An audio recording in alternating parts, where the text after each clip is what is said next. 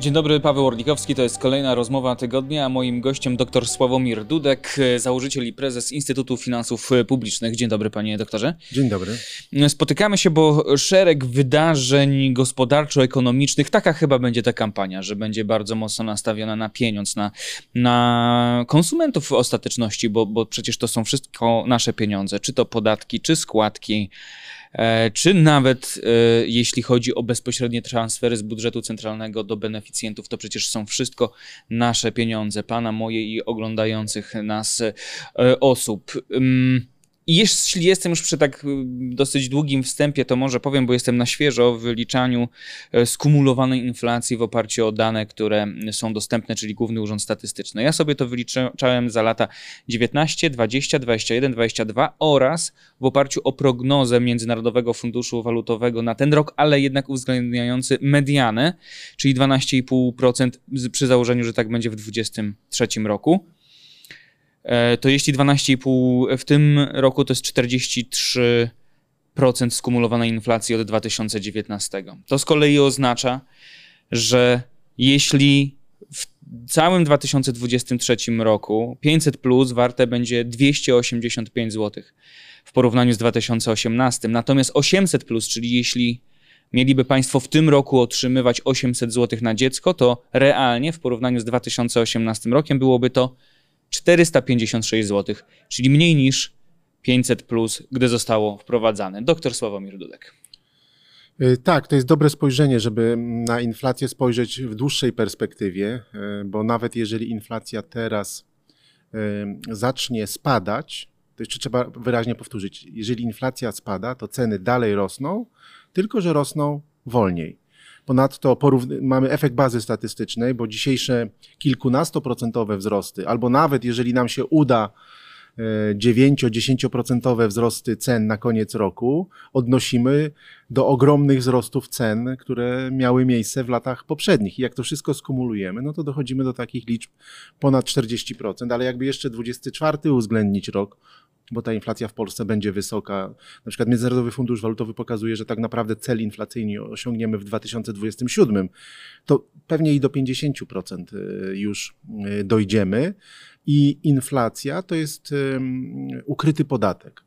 On zjada siłę nabywczą 500, plus, ale zjada siłę nabywczą innych y, dochodów i transferów z budżetu poprawia sztucznie wskaźniki finansów publicznych, bo jest to ukryty y, podatek. Ja wyliczyłem, że rząd się chwali relacją długu do PKB, że ona wyniosła 49,1 y, na koniec zeszłego roku, ale gdyby y, zrobić takie ćwiczenie i założyć, że inflacja była w celu inflacyjnym, lub nawet założyć, że była jeden punkt powyżej celu, czyli w tym przedziale do 3,5, no to relacja długu do PKB byłaby o 5-6 punktów procentowych wyższa. Czyli spadek relacji jest tylko i wyłącznie ona by wzrosła nawet. No właśnie, teraz wychodząc na chwilę, ja to doskonale rozumiem, pan to doskonale jeszcze lepiej rozumie, jeśli chodzi o relację długu do PKB, ale przełóżmy to dla oglądających nas osób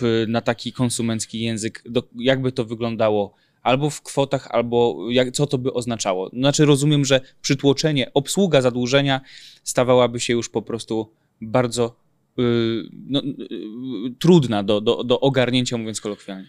No na pewno relacja byłaby dużo wyższa, y, koszty obsługi byłyby dużo wyższe, inna by była perspektywa.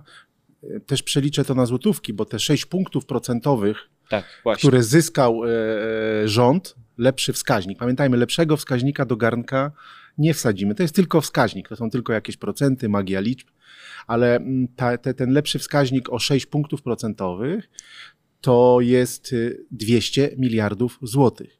Żeby taki efekt uzyskać, no bo to jest tak naprawdę ta inflacja spłaciła nam 200 miliardów długu. Mhm. Inflacja.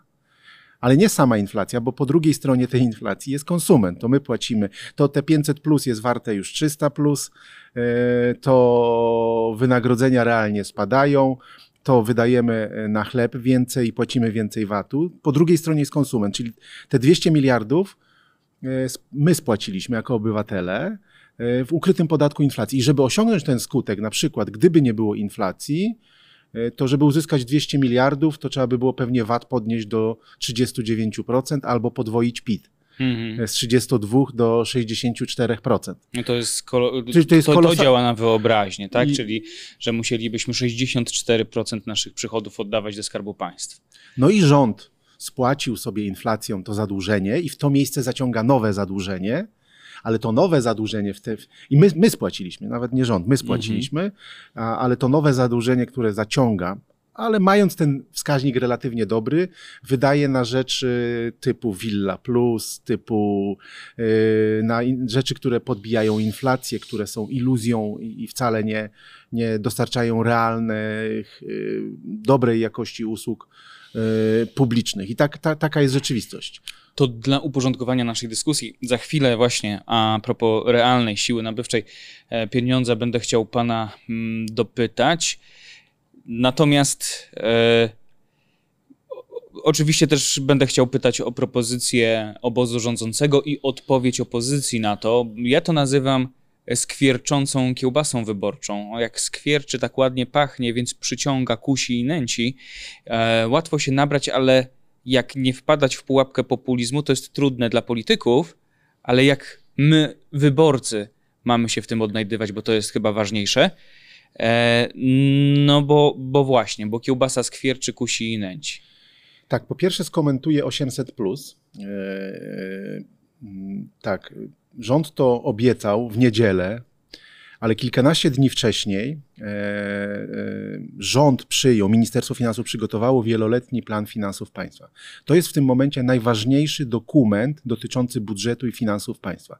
Tam jest, można powiedzieć, wstępny budżet na przyszły rok, nad którym rząd już zacznie pracę i we wrześniu go musi opublikować. Ciekaw jestem, co w nim e, pokaże. No i w tym dokumencie, to jest ponad 60 stron, tabel, obliczeń, Pokazano oczywiście dochody z VAT-u, z PIT-u, po drugiej stronie pokazano wydatki i w, tych, w, tym planie zawarto... Uwzględniono inflację. Uwzględniono wysoką inflację, uwzględniono te uszczelnianie, którym się chwali premier. Mhm. Wszystko to, czym się chwali premier, mówiąc, że mamy pieniądze, tam uwzględniono bo to jest świeży dokument, kilkanaście dni przed 800. Plus.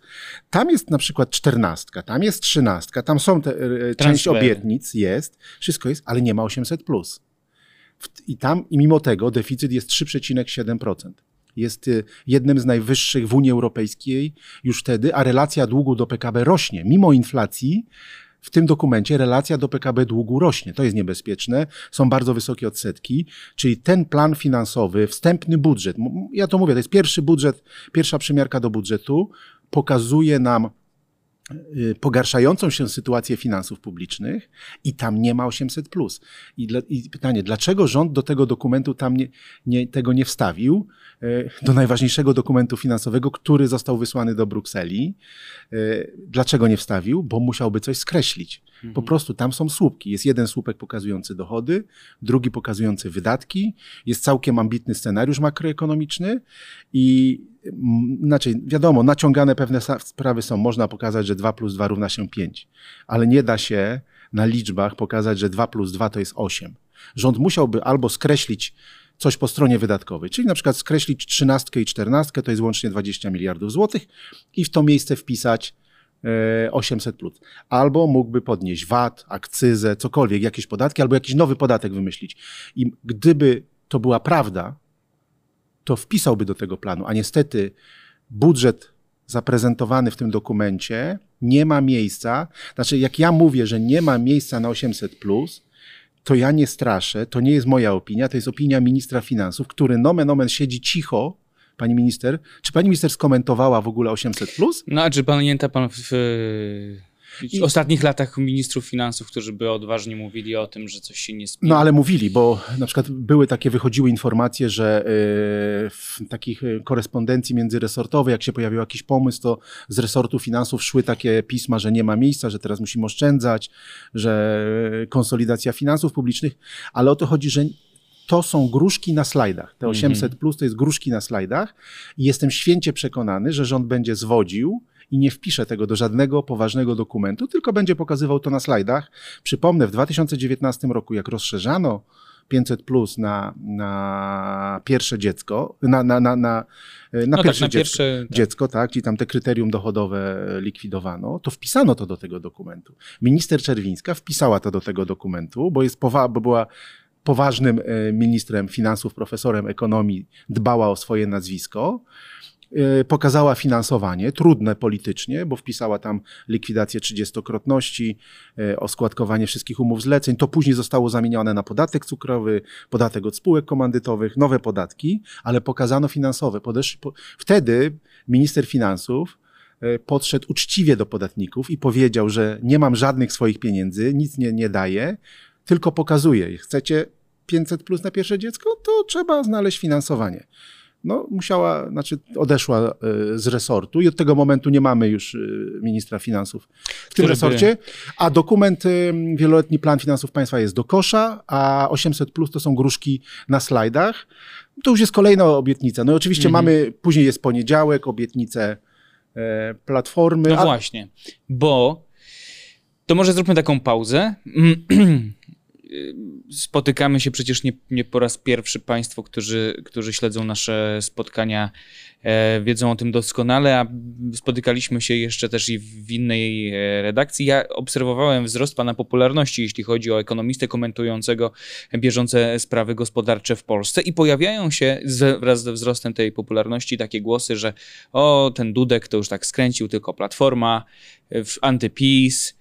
I jeszcze się pojawiają takie hasła jak na przykład doktor Zagłady. Nie wiem, czy pan kojarzy. Jak e, słyszy pan e, mm, takie hasła, mm, to jednak ma pan coś złego też do powiedzenia o, o pomysłach opozycji, o tym, że się próbują prześcigać na te hasła populistyczne, jak pan też reaguje na takie hasła personalne e, w kontekście bycia ekonomistą, który jednak opiera się o, o, o liczby, o dane. Tak, zacznę od tych e, doktor Zagłady, czy po pierwsze rzeczywiście e, ja oceniam wszystkie propozycje i, i od dawna mówi, w naszych rozmowach mówiłem o pułapce populizmu. Porównywałem to do Grecji, gdzie była partia PASOK, e, powiedzmy taki PiS, e, partia bazująca na e, no, socjalna partia bazująca na socjalnych transferach i taka nowa demokracja, partia centrowo-wolnorynkowa e, taka platforma i opisywałem to, że jest niebezpiecznie, jak pójdziemy w tym kierunku, w tą pułapkę populizmu. No i tam w Grecji te partie 30 lat się ścigały. W międzyczasie e, były różnego rodzaju kryzysy, e, trzeba było wydawać pieniądze, dług podnosić, ale to w Grecji wymyślono trzynastkę, czternastkę, to w Grecji e, jako pierwszy Obniżano wiek, wiek emerytalny. emerytalny, to w Grecji budowano pokazowe stadiony, takie inwestycje pokazowe. To Grecja wydawała bardzo dużo na zbrojenia, nawet jeszcze 5%, bo miała tę trudną sytuację z Turcją i Mhm. wydawali. No i No i to hasło, które pan często przy naszych spotkaniach wspomi- wspomina, że, że, że właśnie w partii PASOK tak było to hasło, że pieniądze są tuż przed z Ta- tym tak, tak. krajem bankructwa. trwało to 30 lat, no aż się wywróciło. My jesteśmy na początku tej spirali Właśnie, populizmu. na początku, czy już tak w środku?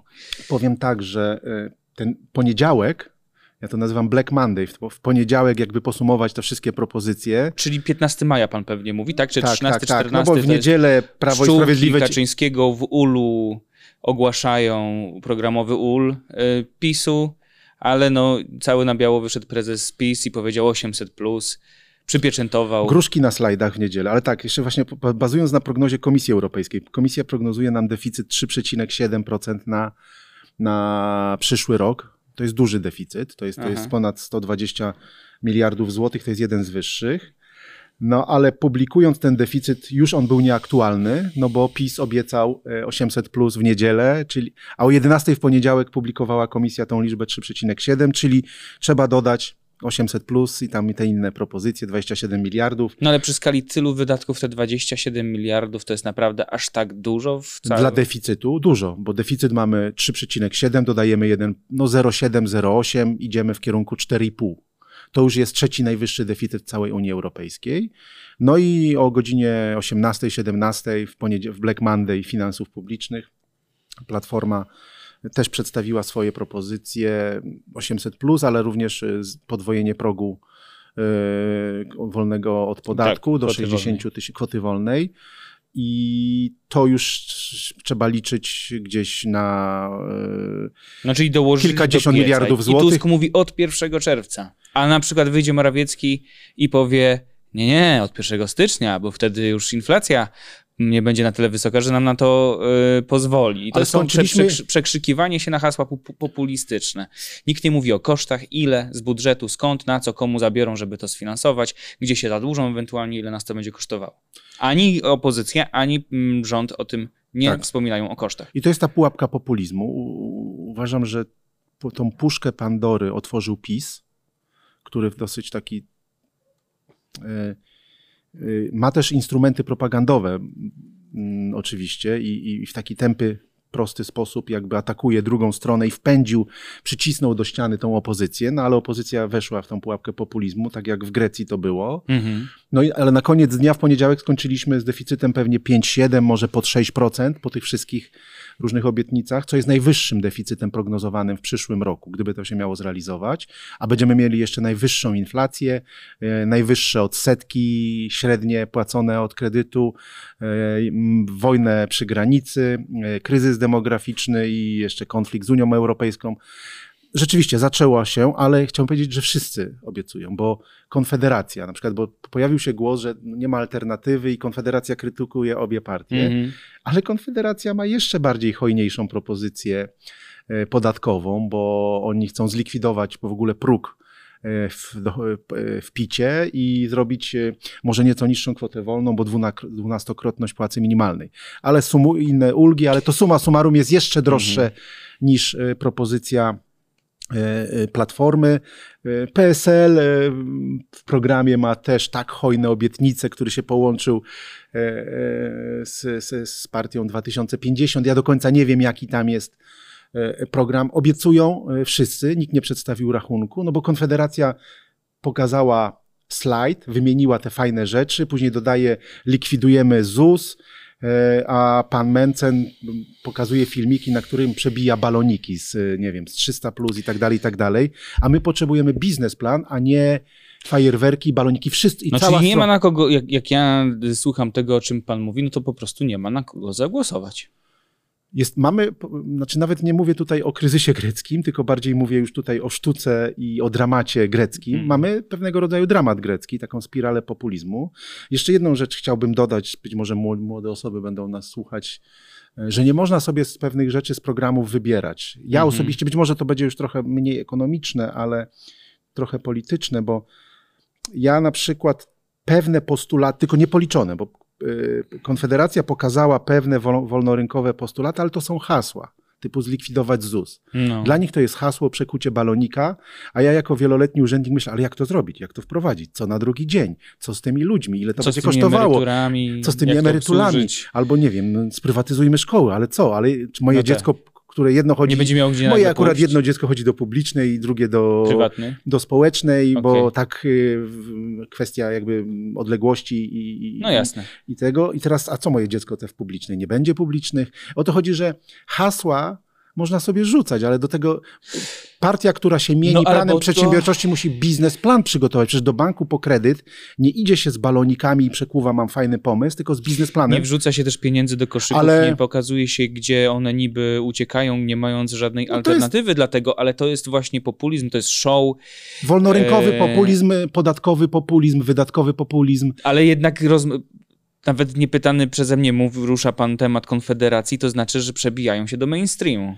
No tak, bo wszyscy powiedzieli, że tu Platforma obiecuje, PiS obiecuje, no to ten, tylko że y, Konfederacja pokazuje też y, po, populizm, tylko że podatkowy taki fajny, bez biznesplanu. Ja oczekuję od nich biznesplanu, bo liczby nie kłamią. Jeżeli niech oni przygotują wieloletni plan finansów państwa według Konfederacji, taki Mhm. dokument, którego PiS nie przygotował, dlatego ich 800 plus to są gruszki na slajdach, ale to, a, a tu są baloniki na slajdach albo baloniki na TikToku.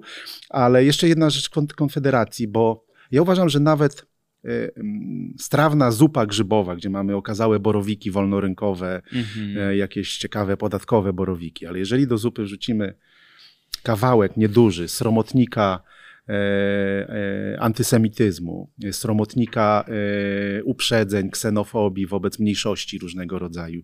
Jeżeli wrzucimy sromotnika wychodzenia z Unii Europejskiej, to cała zupa znaczy, tak w grzybowe śmiertel, śmiertel. jest śmiertelnie i nie da się tego, mm. i nie da się tylko zjeść z zupy borowików, bo się zatrujemy, wiemy to, to ja już wolę ten bigos tych innych yy, partii, które no, a nie jest wszystko... tak, że Prawo i Sprawiedliwość wychodząc, y, ogłaszając to 800 plus już właściwie ma trzecią kadencję w kieszeni? Moim zdaniem nie. Znaczy w ogóle mamy taki dramat grecki, tragedię, nie wiemy na kogo głosować. Doszło do jakiegoś no, trochę parodii, groteski tych, tych, tych obietnic. Znaczy, moim zdaniem chyba społeczeństwo zaczyna się powoli przekonywać, i, i, I, to by, by było dobrze, żeby społeczeństwo w końcu stwierdziło, że wszyscy. Bo ja mówię, PiS obiecał 800, a nie wpisał do najważniejszego dokumentu gruszki na slajdach, oszustwo. Nie wpiszą tego do wyborów. Jestem przekonany. E, I, możemy to sprawdzać codziennie, że nie wpisali. Cały czas będą slajdy i tylko mówieniem, by my jesteśmy wiarygodni. No ale w momencie, w którym nagrywamy, czyli to jest dzień przed emisją 24 maja, wychodzi e, prezes Kaczyński e, i ogłasza e, no już nawet nie wicepremier cały czas, po prostu szef partii ogłasza, że w tej kadencji Sejmu e, projekt powinien zostać uchwalony, jeśli chodzi o 800, darmowe autostrady i tak zwane darmowe leki. Bo, bo to też pięknie brzmi na haśle darmowe autostrady, darmowe leki, tworzy się wrażenie, że to jest dla wszystkich e, i wszystkie leki, wszystkie autostrady, ale tak oczywiście nie jest. Zobaczymy, czy będzie, ale jeszcze jedną rzecz chciałbym powiedzieć, że bo jakie jest wyjście z tej pułapki populizmu? Bo w Grecji to trwało rzeczywiście, że to był taki szachmat. Czyli najpierw wygrywała jedna partia, która Ale... coś obiecywała i nawet jakby była rozsądna i chciała, to ta druga, będąc relatywnie silną opozycją, rozliczała tą partię z obietnic. Później zmiana władzy i one się nawzajem rozliczały z tych obietnic. A gdyby czas... nie Lehman Brothers i Stany Zjednoczone, które przełożyły się potem na kryzys w strefie euro, to nie trwałoby to jeszcze dłużej? Tak, trwało, bo był, po pierwsze była pułapka taniego pieniądza, bo Grecja miała, jest w strefie euro. Na, Grecy w tej chwili, mimo że mają dług blisko 200%, płacą mniej e, odsetek od długu niż my. Mhm. My, prognoza Komisji Europejskiej niedawna pokazywała, że my będziemy mieli dług powiedzmy tam powyżej 50, a w relacji do PKB nasze odsetki będą takie same jak od tych 160-170 greckich. Grecy mieli no, tani jak, pieniądz. A, a, jak się spojrzy na Japonię, no przecież tam powyżej chyba to tam to już, już, już tu, tu relacja to jest tam stuprocentowa, tak? No ale my byśmy wtedy płacili 10%. Jakbyśmy mieli dług taki jak w Japonii, to byśmy 10% PKB płacili odsetek, a nie 2. Aha. I to by oznaczało może no, ale nie 10... bo zawsze, bo, bo chodzi o to, że znowu y, jak y, rzuca się takimi hasłami, albo tam gdzieś indziej w innych krajach to nie jest 50, tylko 80, no to... 90, a czasami nawet 110 czy 130 i jakoś żyją, funkcjonują. No ale my płacimy to... 6% y, średnio teraz rentowności, a, a, a Niemcy płacą o połowę mniej. E, ponad połowę mniej. Czesi płacą mniej. Także obsługa zadłużenia kosztuje. Kosztuje ich, i nas bardzo kosztuje. Czyli My nie tak mamy tej wiarygodności co strefy to na nasze 50% do czyich 100%, którzy, którzy mają połowę mniejszą obsługę kosztu zadłużenia, to tak jak my byśmy mieli też 100%, tak? Tak, bo, bo, ale jeszcze jedną rzecz powiem, że jak w, w Grecji nie ma już trzynastki i czternastki. Nawet y, są fajne takie znalazłem ilustracje, które na social mediach wrzucam, gdzie są protestujący emeryci, alfabet grecki i 13-14. Mm -hmm. Tak, to jest protest e, emerytów i rencistów w momencie, kiedy rząd, ratując gospodarkę grecką, odebrał, odebrał 13 i 14. U nas tylko przetłumaczyć na polski i tak może się stać. W tej chwili wiek emerytalny w Grecji jest 67 i 67. Bez Ucie rozróżnienia. Bez rozróżnienia, podniesiony wiek emerytalny, nie ma różnych dodatków i wszyscy krążyły legendy, jakie tam dodatki urzędnikom wypłacano za różne rzeczy. A i tak cały czas mają problem, żeby wrócić na normalną ścieżkę. Tak, no bo mają garb y, wysokiego długu poprzednich rządów i teraz y, w Grecji y, tą pułapkę populizmu zatrzymał głęboki kryzys. I ja bym nie chciał, żeby w Polsce tą pułapkę populizmu zatrzymał kryzys. Mhm. Co może zatrzymać, e, co może zaczynać, e, to moim zdaniem też przywrócenie praworządności instytucji. Bo gdyby na przykład, mieli, gdybyśmy mieli Radę Fiskalną, niezależną, która potrafi kontrolować i ma mandat i zasoby, informacje, żeby pokazywać, co rząd w finansach źle robi.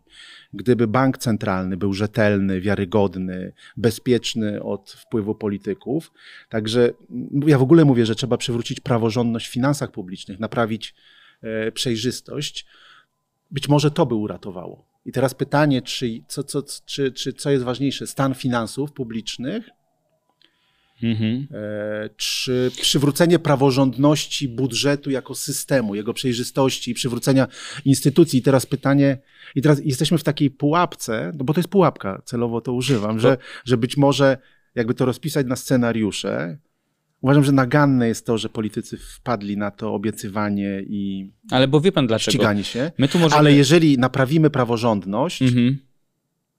To obywatele szybko, bo edukacji też szybko nie naprawimy. No żeby... i dlatego z hasłem na ustach praworządność, przejrzystość finansów publicznych, nie włączenie, nie wyłączanie reguły wydatkowej, włączenie do, do, do budżetu wydatków funduszy celowych i tak dalej, i tak dalej. Z tym się, z, z takimi hasłami nikt wyborów nie wygra. Dlatego pan wspomina o Konfederacji, bo na TikToku robią zasięgi. Nie sądzę, że one się przełożą na spektakularny sukces wyborczy, ale zobaczymy. Mm, słowo sprawdzam padnie już Ale jesienią. tam jest dużo sromotników w tym wszystkim i tego nie pokazuje. I to trzeba podkreślać, ale z drugiej strony dlatego też największa partia opozycyjna, patrząc po sondażach, czyli Koalicja Obywatelska, e, dołącza do, do populizmu, z kolei inni przyglądają się i tam sondaże ani drgną, tak stoją w miejscu jak, jak sondaże Prawa i Sprawiedliwości po 800, ale stoją w miejscu, czyli nie spadają i są cały czas numerem jeden w Polsce, czyli działa. A nie to, żeby mówić tym, którzy mają problem spiąć budżet od pierwszego do pierwszego, że my teraz będziemy walczyć o jakąś praworządność, czyli o co tak naprawdę i co to zmieni w moim portfelu i dlaczego mamy się dzięki temu łatwiej żyć, prawda? No i to jest ogromny dylemat, aczkolwiek nie wiem, e, trzeba też powiedzieć, że gra jest nierówna, bo proszę zobaczyć, że e, Prawo i Sprawiedliwość dysponuje, jakby nie wiem, jakby to oszacować, ale dysponuje telewizją publiczną, tak? I, i, i tą kłamliwą propagandą, czyli jest w stanie e, na każde zająknięcie kogoś z opozycji powiedzieć, że zaraz zabiorą, zniszczą i tak dalej, mimo że ktoś nawet nie miał tego na myśli, ale to jest ogromny aparat. Mhm. Żyjemy też w kłamstwie, to jest nierówna walka, tak? Druga sprawa, no bo jeżeli Narodowy Bank Polski wydaje komunikaty polityczne, jeżeli wiesza no baner, tak, no jeżeli wszystkie spółki publiczne e, robią e, znaczy w sensie, reklamy takie quasi polityczne. No właśnie, bo jakby skupiając się na, na ekonomii, na tym, od czego powinien być Narodowy Bank Polski, bo skoro pan sam przywołał ten, ten, ten e, temat sławetnego baneru, tam poza takimi hasłami, które być może jeszcze by były do obronienia, jak pandemia COVID i putinflacja, to pojawia się tam hasło, że nie można obarczać winą za wysoką inflację rządu i Narodowego Banku Polskiego, czyli na równi NBP stawia się z rządem, czyli tak jakby w rękę w rękę. No, czyli jest rzecznikiem rządu, to jest polityczny, yy, polityczny baner i też kłamstwo inflacyjne. No, ale będąc uczciwym, też jak yy, za wcześniejszych rządów spotkania prezesa NBP z przedstawicielami rządu też się odbywały, więc czy kiedykolwiek NBP było apolityczne? tak jak to jest wpisane w Konstytucji, bo, bo, bo nie takie zadanie jest konstytucyjne Narodowego Banku Polskiego, Centralnego Banku Polski, by y, wspierać władzę, tylko jednak by dbać o politykę monetarną w naszym państwie? Powiem tak. E, kryzysy gospodarcze w historii, nie wiem, Stanów Zjednoczonych, Wielkiej Brytanii, czyli takich e, kilkusetletnich gospodarek demokracji, wydarza, e, no, pojawiały się zawsze, gospodarcze. Tak. Są doświadczone kraje. Również pojawiały się kryzysy konstytucyjne i polityczne. To, że w Stanach Zjednoczonych Sąd Najwyższy, nawet powiedzmy tam otoczenie Trumpa nie przekraczało, nawet sam Trump nie przekraczał pewnych, y, pewnych granic. To, że media mają być niezależne w Stanach, instytucje niezależne, to, to jest efekt tego, że w historii tam były ataki na te instytucje, były próby niezależności I jedno, co jest pozytywne w tym wszystkim, yy, że moim zdaniem my przeżywamy kryzys konstytucyjny, mhm. kryzys praworządności, kryzys demokracji. Ale też kryzys ale on, y, taki konsumencki, pamiętajmy Ale o wyjdziemy tym, że... z tego i o to chodzi, że nauczymy się tego właśnie, że nie może być już tak, że żaden prezes banku nie powinien się spotykać z politykami, mhm. albo powinien się spotykać na konferencji, albo w świetle kamer. No ale jak to... Sejm uchwala, że mniejsza liczba sędziów Trybunału Konstytucyjnego wystarczy, by orzekać i za chwilę być może będą orzekali o ważności przeprowadzonych wyborów, no to jest pan tego pewny, że na pewno będzie tak, jak pan to mówi, że się nauczymy i że będzie tylko lepiej? No musi być wynik wyborów. Musimy przeżyć kryzys konstytucyjny, żeby się nauczyć, że nie można żadnych furteczek lekko uchylać, e, mhm. ani e, podważać tej niezależności, no bo obecna władza po prostu przewróciła płot, a, a kiedyś były jakieś furteczki uchylone, czy to w zakresie właśnie mm, niezależności instytucji, niezależności i sprawności instytucji. Dlatego uważam, że my musimy jak najszybciej przywrócić. E, potrzebne jest wygranie wyborów, e, demokratycznych sił mhm. i przywrócenie instytucji. A czy można je wygrać bez, wszystkich bez populizmu, te wybory? Jest to w ogóle możliwe? Właśnie tu się pojawia problem, czy jest to możliwe. Ta gra to już jest pozaekonomiczna gra, bo to już jest e, jakby polityka. E, mówię, wszedł, y, PiS otworzył puszkę Pandory, dysponuje ogromną przewagą propagandową, ogromną. To jest, moim zdaniem, gdyby to wycenić, to są, to są setki milionów złotych. Y, mhm. Trzeba by, I nawet nie, nie ma technicznych możliwości, żeby walczyć z tą machiną propagandową, którą dysponuje Prawo Sprawiedliwość. No nikt nie może sobie powiesić baneru na Narodowym Banku Polskim, czy, czy wykorzystywać spółek Skarbu Państwa, już nie mówię nawet o telewizji. Mhm. E, do tego, czyli oni mogą, dość, że mogą grać w populizm, to jeszcze mogą, e, mają przewagę, e, że nawet ktokolwiek by chciał to skrytykować albo ocenić, albo in, są inne obietnice zaproponować, mhm. które też kosztują, ale mają niuanse, progi dochodowe, to ta silna propaganda zrobi z tego Yy, użytek. No, I moim zdaniem to jest jakaś gra, są... jest gra nieuczciwa, trwa gra nieuczciwa. Tą mhm. grę prowadzi PiS. Yy, i, i, I, chyba partie wszystkie w to weszły, mówię, wszystkie. No to właśnie, to ile może kosztować nas ta kiełbasa wyborcza? Bo mm, świetnie się konsumuje, mm, napędzając inflację, napędzając spiralę płacowo-cenową. Za chwilę będę chciał porozmawiać o pomyślę dwukrotnego podniesienia płacy minimalnej w przyszłym roku i to do poziomu około 4300 brutto miesięcznie, e, czyli więcej niż średnia krajowa w 2017 roku. E, I, I to wszystko fajnie na papierze, e, to dobrze się konsumuje, tylko że coraz mniej przez spadek siły nabywczej pieniądza realnie biedniejemy. No i ale z drugiej strony cały czas te transfery jeszcze są na, na na tyle wystarczające, że, że jeszcze działa kupowanie głosów wyborczych, bo jeszcze to coś znaczy, to coś poprawia. E, e, to jaki jest koszt, e, albo jaki będzie za 2, 4, 6, 8 lat do przewidzenia koszt dla Pana, dla mnie i dla osób szczególnie niżej sytuowanych, właśnie zarabiających w okolicach najniższej krajowej, jaki może być to koszt? Znaczy już w bieżącej prognozie e, Ministerstwa Finansów, znaczy dług ma rosnąć w Polsce do, do, do, do z 50, z 49 nawet do 52-53%. Czyli będzie się już zbliżał do 50. Ale koszt konsumencki. Nie? 5%. E, koszt konsumencki to jest ta skumulowana inflacja, to jest ten ukryty podatek, który, który zżarł nasze oszczędności, tak to trzeba powiedzieć, e, bezpowrotnie. Bo o ile na przykład wynagrodzenia, emerytury, renty, one mogą chwilowo być realnie na minusie, to one gdzieś tam nadgonią, bo inflacja też w końcu zacznie chociażby przez efekty statystyczne być niska.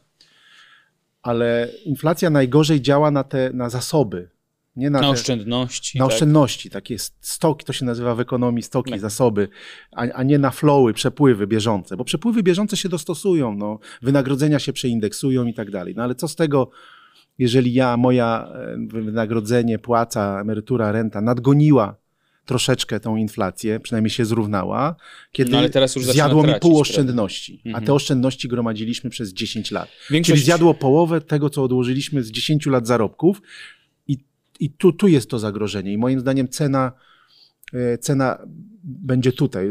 A większość Polaków nie ma żadnych oszczędności lub ma je bardzo skromne.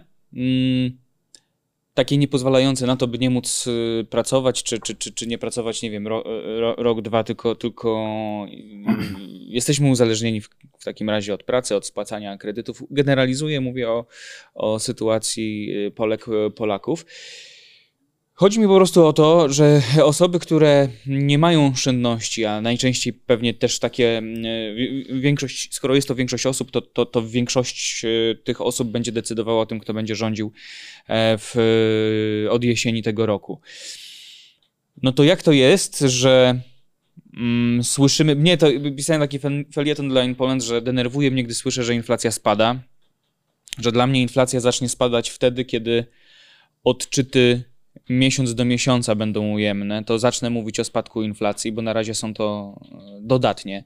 Nawet jeśli chodzi o kwestię e, mm, dezinflacji tak zwanej, e, no to to jest dla mnie już w ogóle populizm i, i, i- zbyt łatwo chyba w przestrzeni publicznej daliśmy mm, sobie połknąć ten haczyk, bo, bo robiłem proste wyliczenia, które pokazują, że e, wzrost e, wynagrodzeń e, no nie nadąża już za inflacją. To znaczy, że inflacja zżera te podwyżki, czyli że nominalnie mamy więcej, ale tylko nominalnie, bo możemy kupić za to mniej niż wtedy, gdy zarabia, zarabialiśmy teoretycznie mniej.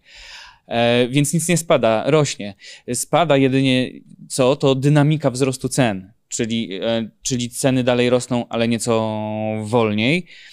I skoro wszystko rośnie i wszystko drożeje, mm, a dosypujemy populistycznych haseł, czyli że za chwilę będziemy mieli jeszcze mocniejszą spiralę płacowo-cenową, no to gdzie jest koniec, gdzie jest kres i do czego ma to nas doprowadzić? Bo rozumiem, że pan tutaj jest e, najbliżej tej, tej Grecji, tak? Że to jest rzeczywiście takie rozwiązanie, które nam bardzo grozi.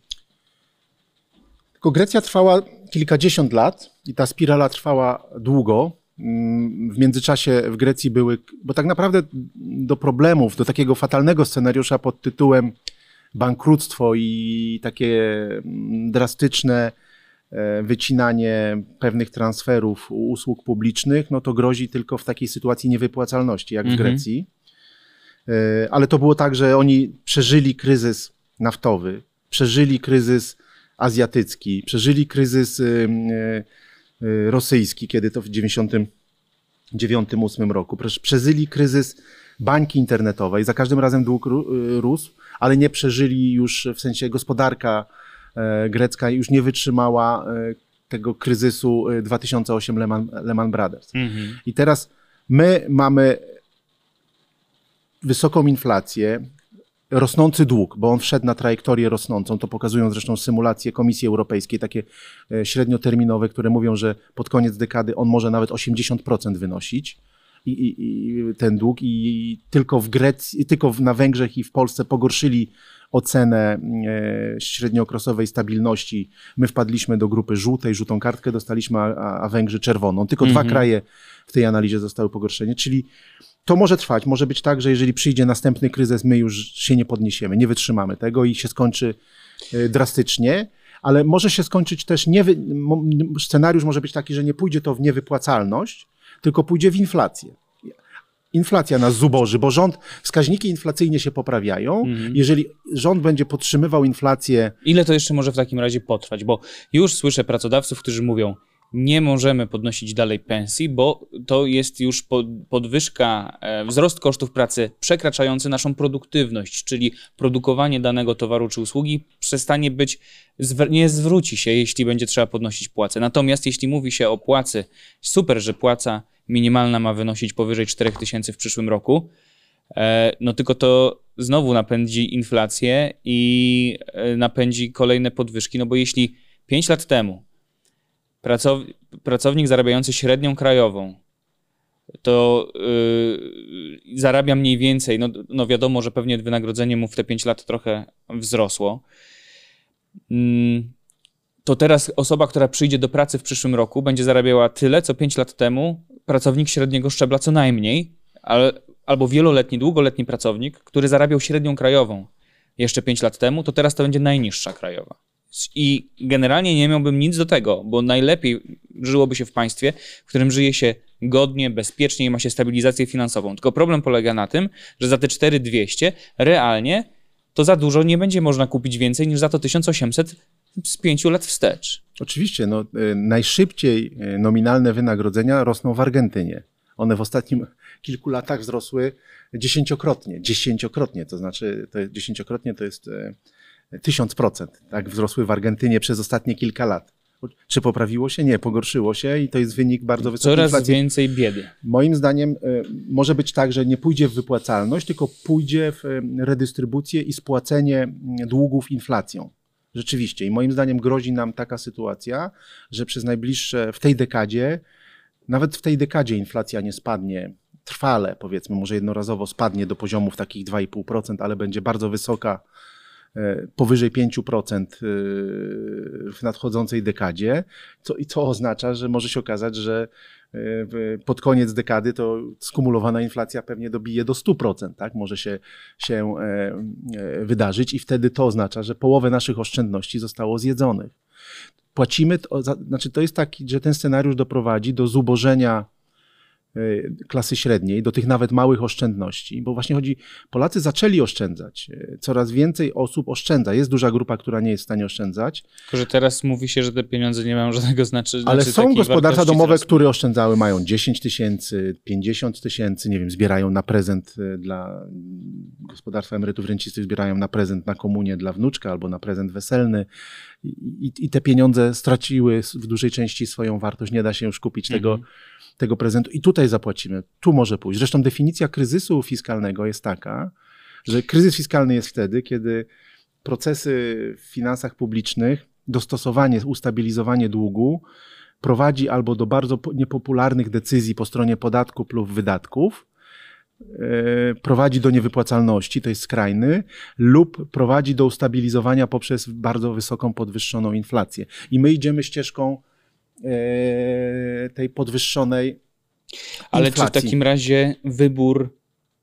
E, no bo przecież chodzi o to, że za chwilę będą wybory do parlamentu i pan, jak rozumiem, podaje przykłady mm, dotyczące działań e, obecnego obozu rządzącego, no ale co jest alternatywa, podpowiedź może dla, dla tych, którzy mieliby by przyjść i coś naprawić, bo poza praworządnością, to jak to zrobić, żeby Polacy nie zubożeli, ale żeby gospodarka e, rozwijała się i żeby, e, i żeby żyło nam się lepiej, nie nominalnie, nie na papierze, tylko realnie.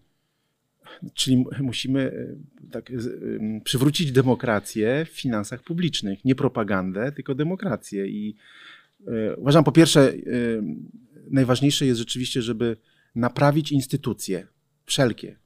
Przywrócić prawdziwy budżet, przywrócić prawdziwego ministra finansów, prawdziwego prezesa banku centralnego, prawdziwy bank centralny. Wszyscy wiemy, że, bo instytucje to nie są tylko sądy. Mhm. Sądy też musi to, to ten porządek, urzędniczy ład y, legislacyjny, rola Rady Dialogu Społecznego, konsultacje prawdziwe i z pracodawcami, i ze związkami, i, i, i, i prawda w tej, w, tej, w tej debacie. A to jest taki, i tak Przywrócenie tych elementów gwarantuje też napływ e, środków z Unii Europejskiej, chociażby odblokowanie KPO, co da nam ulgę na początku mhm. w finansach publicznych, ale kolejny jest element, że moim zdaniem trzeba dyskutować i pokazywać, jaki jest prawdziwy koszt e, utrzymania tego transferu, wprowadzenia kryterium czy nie. Znaczy, moim zdaniem trzeba uruchomić dialog ze społeczeństwem i na przykład pokazać, że 800 plus tak, ale pokazać, bo... Te... A dla tych, którzy tego naprawdę potrzebują na przykład, tak? Tak, ale pokazać też yy, wielki minus, bo tym wielkim minusem na przykład jest edukacja. Mhm. Znaczy, jeżeli na, są nauczyciele, którzy zarabiają w okolicach płacy minimalnej, wiemy zresztą, co się dzieje z jakością edukacji. Czyli mamy 800 plus dla każdego, bogaty, czy bogaty, czy biedny, a mamy fatalną jakość e, edukacji. Czyli, tak? że gdyby tu zaoszczędzić i nie, nie rozdawać każdemu bez wyjątku, już by można było Czyli raczej przesunąć edukacji. i o to chodzi zastanowić Tak samo rozumiem ze służbą zdrowia. Gdzieś można byłoby znaleźć lepsze źródła finansowania. Lepsze źródła finansowania, większą świadomość i moim zdaniem wydaje mi się, że największym bezpiecznikiem dla finansów publicznych nawet nie są same reguły, tylko właśnie przejrzystość, prawdomówność, świadomość tego, na co idą te, te, te, te pieniądze, jakie są alternatywy, jak wydać alternatywnie na środki. Tylko, że uważam, że nie da się, w ogóle nie da się naprawić finansów publicznych, jeżeli nie przywrócimy praworządności, tego praworządności w sensie szerszym. Nie odzyskamy tych instytucji. E, I to, chodzi mi o to, że jesteśmy w dramacie greckim, tak. musimy wybrać Chyba, znaczy ja wolę bigos niż, e, e, strawny bigos niż, e, zupę grzybową ze sromotnik, ale kawałkami sromotników. I uważam, że gorszy jest populizm autorytarny, dyktatorski, bo który wtedy, bo też może być populizm dyktatorski i autorytarny, taki jak w Rosji. Mhm niż na przykład naprawa instytucji i wyjście z pułapki populizmu poprzez edukację, e, poprzez przejrzystość, e, dialog społeczny, włączenie społeczeństwa w decydowanie o pieniądzach. Bo jakbyśmy włączyli społeczeństwo, to społeczeństwo, uważam, wiedziałoby, co wybrać. Czy lepszą jakość edukacji, czy no tak, to... 800 plus. Tylko, że jesteś, społeczeństwo jest dzisiaj oszukiwane mm. ogromną machiną propagandową, E,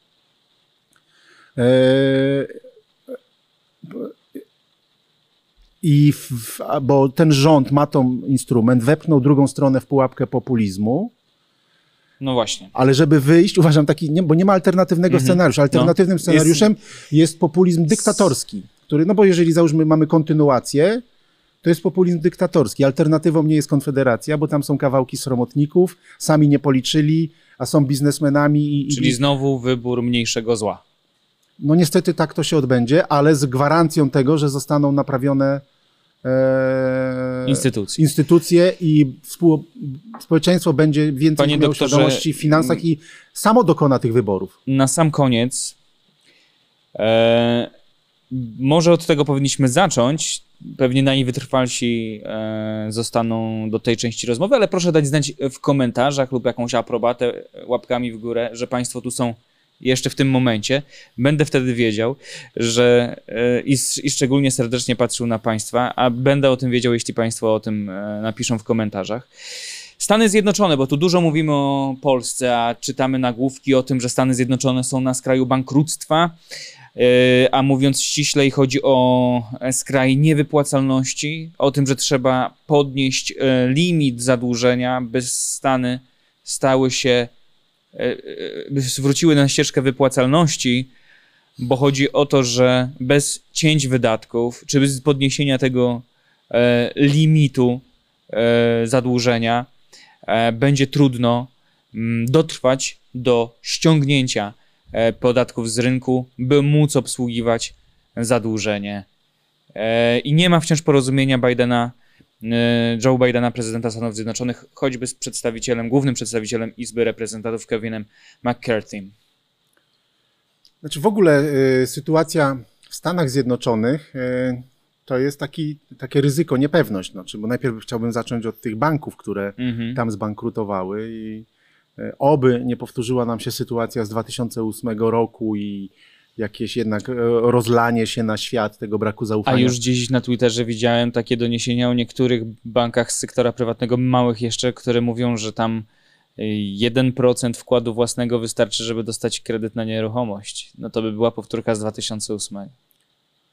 Tak, bo tego nikt nie mówi, że tak naprawdę to rząd wtedy stworzył takie instrumenty, kredyty ninja, jakby promował takie coś, tak. co doprowadziło do upadku. U nas też podobne rzeczy, chce się dopłacać do Tak, bo u nas do też jest ta Ale potrzeba własna. I to jest ryzyko, o to chodzi właśnie, że my musimy patrzeć... No i to za Joe Bidena, a nie za Donalda Trumpa, chociaż tylko powiem, limit zadłużenia był podnoszony wielokrotnie, za samej kadencji Donalda Trumpa trzykrotnie podnoszono limit zadłużenia, e, natomiast no to za Joe Bidena, przecież tego dobrego wuja sama, tego praworządnego e, demokratę, e, dochodzi do takich problemów. Znaczy w Stanach też nastąpiło duże rozluźnienie e, w finansach publicznych. Też jest spór o to, czy, czy, czy, czy, czy to było w dużej skali uzasadnione. No, dobrze jest, że jest, że to jednak kongres decyduje o zmianie reguł, bo to jest reguła fiskalna, ten limit zadłużenia, tak? I, I rozumiem, że republikanie się zgodzą, jeżeli administracja zaproponuje pewne cięcia, oszczędności, jakąś ścieżkę naprawy, no to jest znaczy to jest gra polityczna, ale z drugiej strony no tak działa demokracja, tak? I jest jakiś bezpiecznik, jeżeli chodzi o finanse publiczne. No, jeżeli by się miało coś wydarzyć i rzeczywiście Stany Zjednoczone są tak pod bramką, że nie mogą, e, nie są w stanie obsłużyć zadłużenia. O, znaczy, ob, znaczy, przy, znaczy tutaj dochodzą do sufitu, tak? No właśnie. E, I tutaj dochodzi na przykład to, że właśnie takie reguły oparte tylko na suficie powodują takie sytuacje, że dochodzi się do sufitu i nagle wielki problem. Dlatego, jak e, pracowałem w ministerstwie, to e, opracowaliśmy regułę wydatkową, bo reguła wydatkowa mówi, co trzeba robić, żeby nie zbliżyć Ona się za bardzo. słowa stabilizująca. Stabilizująca ma stabilizować, ale nas uchronić, żebyśmy nie doszli, żeby politycy nie doszli do sufitu. Mhm i nie było tak jak teraz w Stanach, bo o to chodzi, że... A to może się rozlać, bo przecież zawsze jak tam się zaczyna, to się rozlewa po świecie. Tak, ja uważam, że jeżeli to by się rozlało i by była powtórka z 2008 roku, my nie jesteśmy w tym momencie gotowi, to, to już nie będzie Zielona Wyspa, to będzie Czerwona Wyspa i nie wytrzymamy, no ucierpimy mocno w tym, w tym, w tym, gdyby miał być jakiś kryzys e, taki światowy, to, to Polska dostanie rykoszetem, bo, bo, bo cały czas e, cały czas rentowności są podwyższone. One wynoszą 6%, e, nie, są niższe niż 9%, 8% notowane w, w, ubiegłym roku, ale 6% to jest dalej dużo. To jest dalej du wcale nie jest tak kolorowo, jeżeli chodzi o sprzedawanie obligacji w złotych. Rząd mhm. musiał wyjść za granicę. E, no, jesteśmy w koszyku krajów emerging, także problemy światowe spowodują ogromne problemy finansowe. własna waluta. Wtedy w kryzysie e, światowym to ile? Około 3 zł, pewnie nawet mniej chyba płaciliśmy za dolara. No, co? ale to deprecjacja to, to, to boli tych, który, frankowiczów, e, no tak. tych, którzy mają kredyty, e, import będzie droższy, inflacja wysoka, znaczy to dalej się odbędzie przez inflację. To jest stabilizacja, to jest automatyczny stabilizator. Wtedy ale to, to będziemy mieli dopiero tę Turcję taką, tak?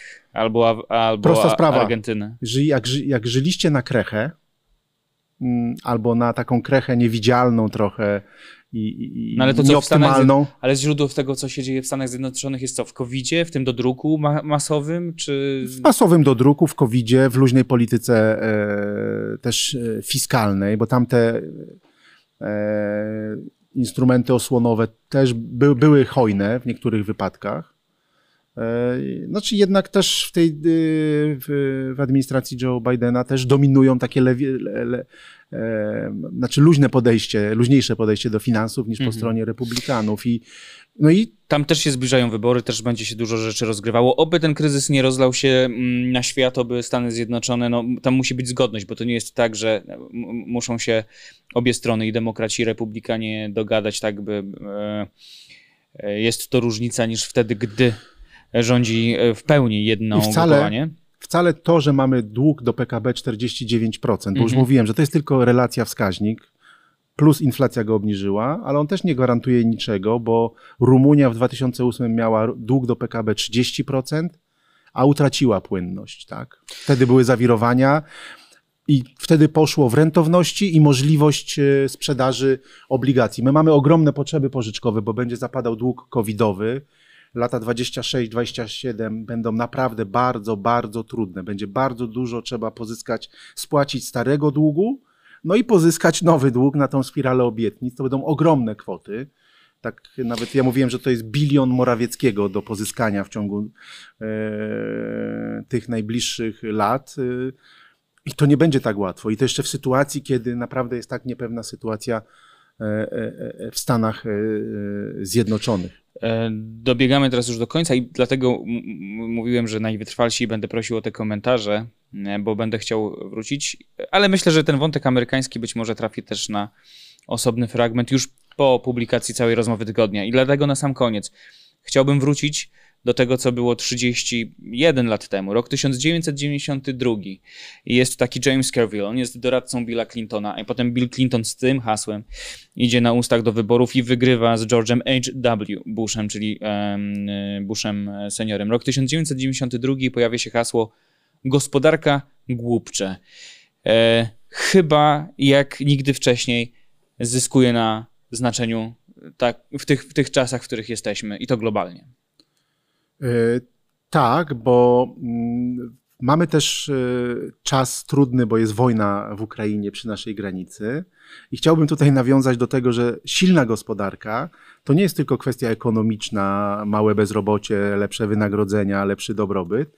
To jest też kwestia bezpieczeństwa państwa. I nawet, e, nawet y, pre, prezydent Lech Kaczyński, zresztą każdy prezydent opracowuje taką strategię bezpieczeństwa narodowego, ale mhm. chyba jednym z pierwszych prezydentów, który y, ujął bezpieczeństwo Polski w takiej szerszej perspektywie była administracja e, prezydenta Lecha Kaczyńskiego i tam zdefiniowano bezpieczeństwo ekonomiczne, że bez bezpieczeństwa ekonomicznego nie da się zapewnić bezpieczeństwa militarnego. Czy Grecja, która bankrutowała w 2008 e, i gdzie ludzie protestowali, bo trzeba było im zabrać trzynastkę, czternastkę, gdzie trzeba było podwyższyć Wszystkie podatki, gdzie było tak. zamieszanie polityczne, mm -hmm. gdzie nie mogli spłacić długu, gdzie musieli, nie wiem, sprzedawać różne, prywatyzować. No gdyby nie pomoc Międzynarodowego Funduszu Walutowego i właściwie Czy oni byli bezpieczni? Czy oni wtedy byli bezpieczni? Wyobraźmy sobie w Polsce. Mamy trudną sytuację ekonomiczną, trzeba zabrać trzynastkę, czternastkę. A to Pojawiają nie się... jest sprawa polityczna, tylko konsumencka bardzo też, bo przecież to wtedy wiąże się albo z bezrobociem, albo, albo z trudnościami. Z Ale wojna hybrydowa i wtedy dopiero rosyjskie trole, internet podburzają, finansują jakieś partie wywrotowe i tak dalej. Czy wtedy kraj jest naprawdę bezpieczny? I o to mhm. chodzi, że bez bezpieczeństwa ekonomicznego, silnej gospodarki, nie da się być bezpiecznym militarnie. Potęga Stanów Zjednoczonych nie wzięła się, e, wzięła się stąd, że oni są potęgą gospodarczą. Mm, no ale żeby nie było tak pesymistycznie, żeby nie było, że ta łatka doktora Zagłady jest y, do pana dopinana, bo pan tylko widzi te najgorsze czarne scenariusze, optymizm gdzieś wieje wiatr optymizmu? Tak, e, po pierwsze mamy silny, prywatny przemysł, który po transformacji gospodarczej jest jednym z najbardziej silnych i konkurencyjnych przemysłów całej Unii Europejskiej. Wszyscy nam zazdroszczą tego przemysłu i on jest prywatny. To, to, to, to są te wszystkie prywatne, rodzinne firmy, które z firm małych, rodzinnych są teraz potentatami globalnymi, graczami globalnymi w Unii Europejskiej i ta przedsiębiorczość i te, te, ten przemysł prywatny, przetwórczy jest e, e, silny. A pozytywne jest to też powiedzenie Churchilla, że nie zmarnujcie dobrego kryzysu. To znaczy, że kryzysy, trudne sytuacje są tą iskrą do naprawy państwa i ja uważam, że tak, po pierwsze po, jesteśmy w pewnym kryzysie gospodarczym, kryzysie energetycznym i pozytywne jest to, że to nas mam nadzieję, zmusi do szybszej transformacji energetycznej, do poprawy instytucji. Kryzys konstytucyjny, kryzys praworządności zmusi nas do naprawy do naprawy praworządności, instytucji, niezależności banku centralnego, ministra finansów, do stworzenia Rady Budżetu Fiskalnej, mechanizmów, gdzie pieniądze są wydawane Być przejrzyście. Może czegoś na I to wzór jest, Stanów Zjednoczonych, sekretarza Skarbu Państwa. I to jest pozytywne, w tym sensie to jest nasza szansa mm. i tu mhm. bym doszukiwał. Ja wierzę w to, że no odrobiliśmy tą lekcję, zobaczyliśmy jak to jest ciężko, a teraz ją wykorzystamy i zbudujemy silniejsze, e, silniejsze sprawne państwo, bezpieczne gospodarczo, fiskalnie, budżetowo i militarnie, i zdrowotnie, i edukacyjnie. O, i edukacja, z tym edukacja finansowa to jest bardzo ważny aspekt. No a doktor Sławomir Dudek udowadnia, że nie tylko zagłada, ale też nuta optymizmu, a może nawet cała pieśń. Bardzo dziękuję za to spotkanie. Dr Sławomir Dudek, prezes Instytutu Finansów Publicznych, ale też adiunkt Szkoły Głównej Handlowej. Dziękuję bardzo. Ja nazywam się Paweł Ordikowski i bardzo dziękuję za to spotkanie. Kolejna rozmowa tygodnia już za tydzień. Do zobaczenia, do usłyszenia.